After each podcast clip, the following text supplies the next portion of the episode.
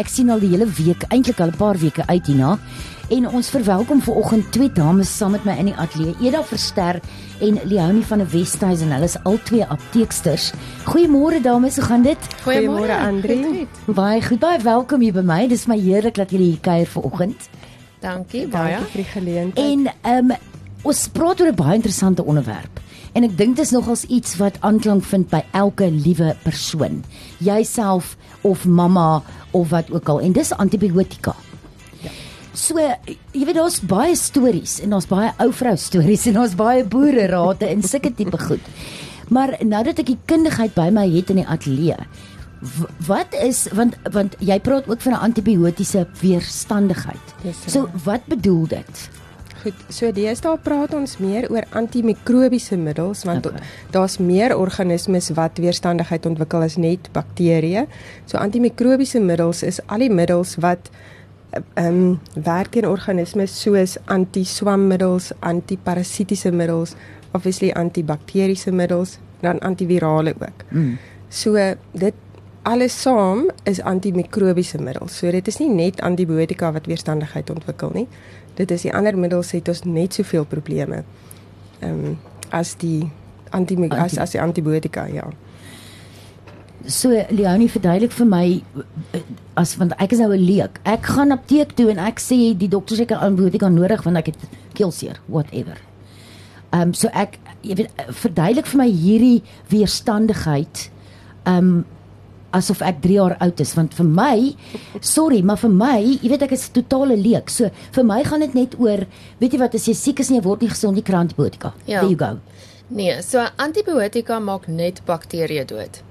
Seerkele en loopneuse en die goed wat die meeste voorkom in die in die wat nou mense die verkoue seisoen is meestal veroorsaak deur 'n virus So antibiotika in 'n virusinfeksie gaan absoluut niks doen nie. Hy gaan net al die gesonde bakterieë in jou gestel doodmaak. So dan het jy nou weer soos 'n oorgroei van die slegte bakterieë want jy maak die goeies dood. Hmm. Dan kry jy weer goed soos diarree en uh swaminfeksies. So dit gaan niks doen nie, dit gaan jou net siek maak. Dit okay. gaan niks aan die virus doen nie. OK.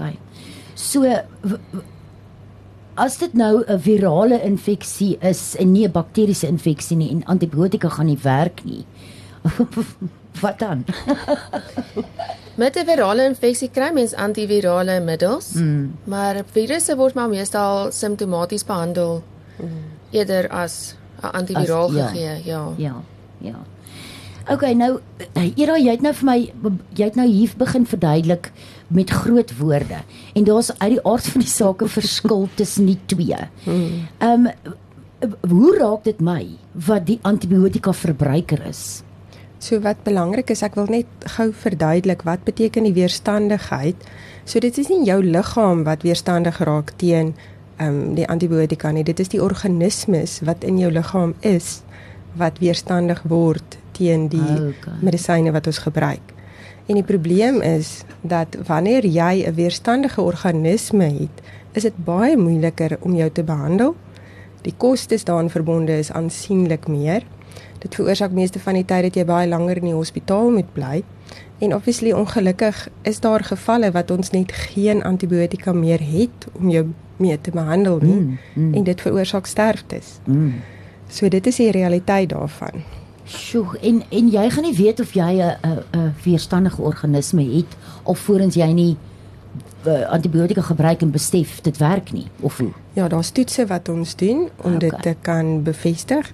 Ehm um, wat deur die laboratoriums getoets word om te kyk watse organisme is dit okay. wat jou siek maak en dan kan ons dan dan toets hulle ook watter organismes is sensitief teenoor watter antibiotika of weerstandig teenoor watter antibiotika.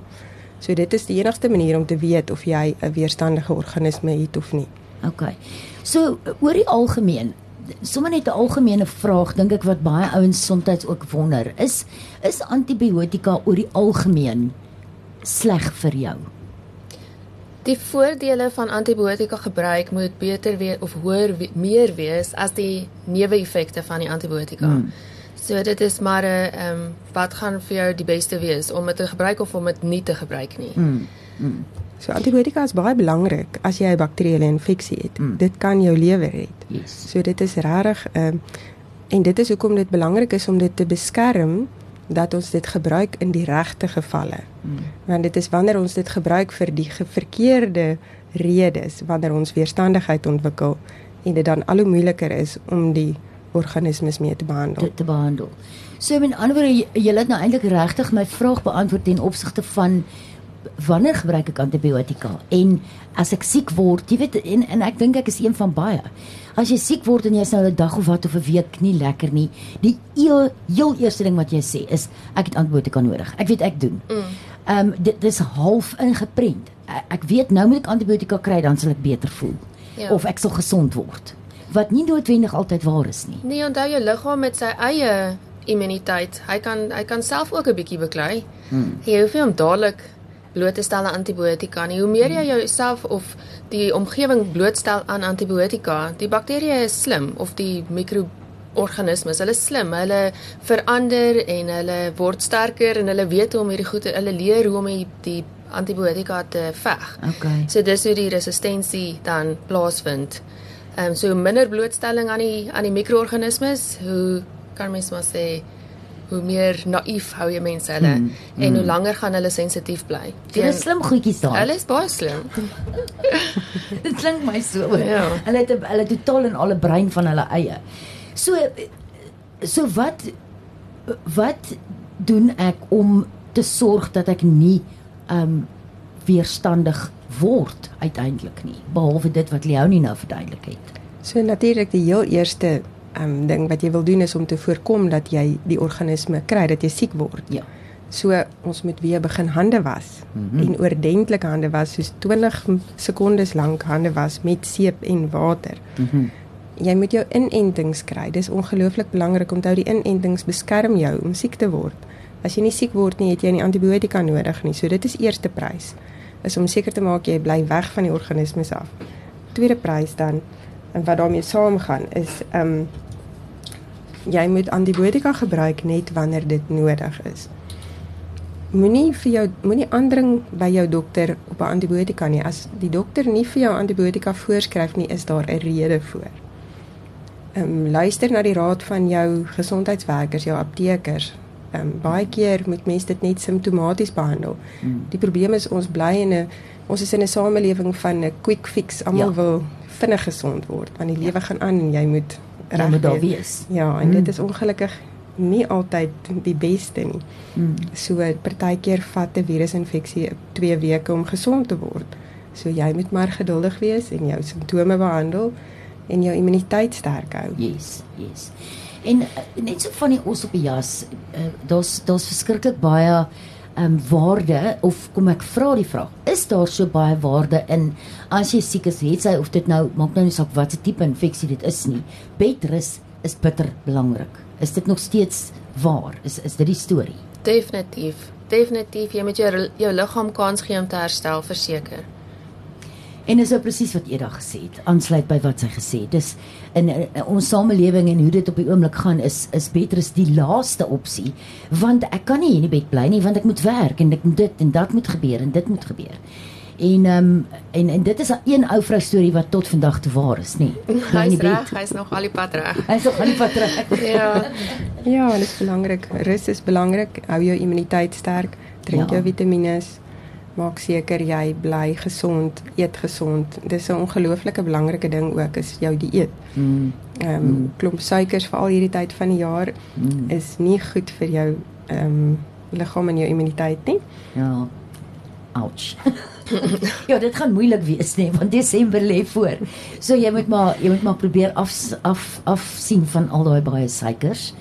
En uh, so hou jouself gesond, uh, um hou jou immuunstelsel sterk. En en ja, en, en dis natuurlik net net so ten slotte, dis natuurlik hoe hoekom ook hoekom apteeksters en en susters by klinieke nie voorskrifte vir antibiotika mag gee nie. Nee, Dis dis korrek, ja. want dit gebeur net seker eenvoudig te veel. En indien dit sou sou moontlik wees vir julle om voorskrifte te gee. Absoluut. So hy moet van die dokter af kom anders nou go. Ja, kyk daar is sekere aptekers wat wel die kwalifikasie het en die um, om 'n uh, wat 'n kliniek het in hulle apteek wat mag antibiotikas voorskryf. Maar hulle is opgelei, hulle weet wanneer is dit nodig en wanneer nie.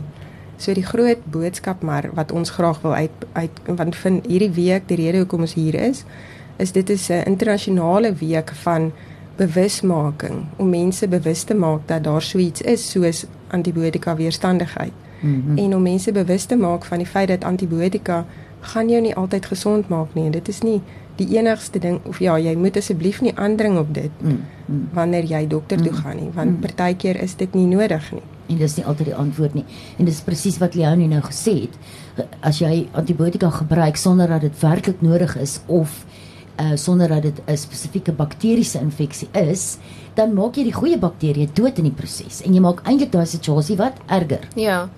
Ja, die ehm um, bakterieë ehm um, word vinniger slim as wat daar nuwe antibiotika uitgevind word. Mm.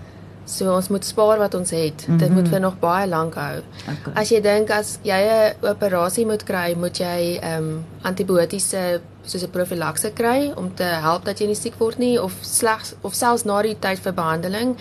As jy ehm um, 'n uh, immuun onderdrukte pasiënte, soos die kankerpasiënte, dan het hulle ook soms wat hulle antibiotika gebruik om infeksies te voorkom. Mm en dan is daar later in die lewe is daar nie meer iets om hulle te help nie.